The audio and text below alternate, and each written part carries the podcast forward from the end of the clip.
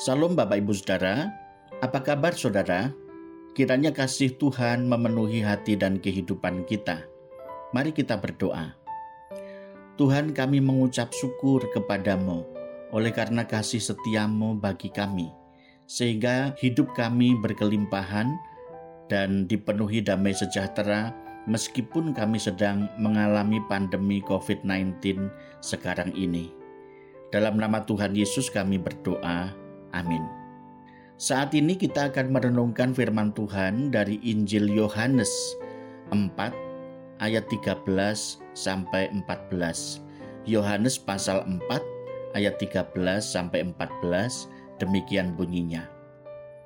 Jawab Yesus kepadanya, barang siapa minum air ini, ia akan haus lagi.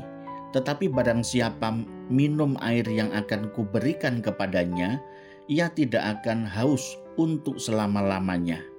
Sebaliknya, air yang akan kuberikan kepadanya akan menjadi mata air di dalam dirinya yang terus-menerus memancar sampai kepada hidup yang kekal. Dipuaskan oleh Tuhan. Ketika manusia hidup bersama dengan Tuhan di Taman Eden, Adam dan Hawa rasanya tidak kekurangan apa pun hasrat mereka selalu dipuaskan oleh karena mereka hidup bergaul dengan Tuhan Allah.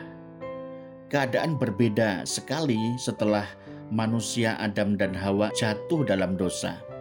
Mulai ada pertikaian di antara mereka. Kemudian keterpisahan dengan Allah itu telah membuat manusia mengalami berbagai-bagai pergumulan seperti kemarahan, iri hati, dan puncaknya dari perselisihan itu menjadi pembunuhan Habel yang dilakukan oleh Kain, kakaknya sendiri. Hati manusia seperti ada lubang kosong yang tidak memiliki dasar, sehingga apa saja usaha manusia untuk menutupi lubang itu, baik dengan kekayaan, harta benda, popularitas, dan nama besar, kekuasaan, semuanya itu tidak tertelan semuanya itu akan tertelan dan tidak dapat menutupi lubang kosong tersebut.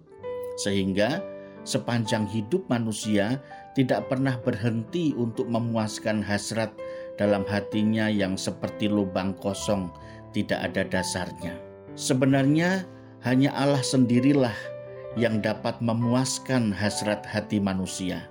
Karena keselarasan jiwa manusia mendapat perhentian penuh damai sejahtera jika Allah memenuhi hati manusia tersebut.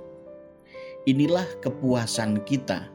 Setiap anak Tuhan tidak meletakkan kebahagiaan hidupnya pada hal yang semu di dunia ini, sebab kita tahu semua yang ada di dunia ini tidak dapat memuaskan hasrat hati kita yang seperti lubang kosong tidak berdasar.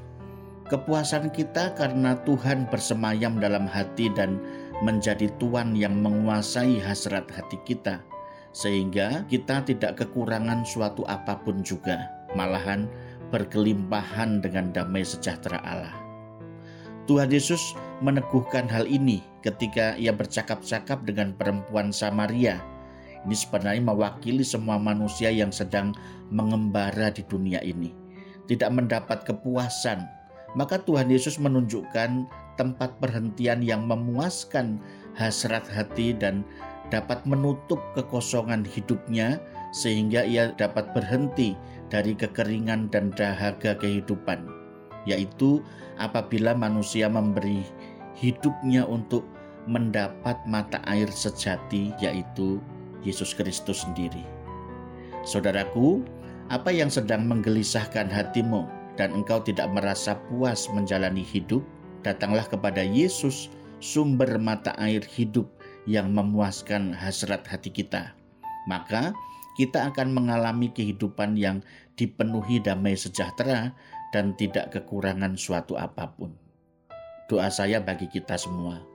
Tuhan Yesus kami bersyukur oleh karena Engkau mengisi kekosongan hati kami, sehingga kami dipuaskan olehmu dan kebenaran firman-Mu memuaskan hati kami. Berilah kepada kami hati yang condong kepada Tuhan setiap saat. Dalam nama Tuhan Yesus kami memohon. Amin.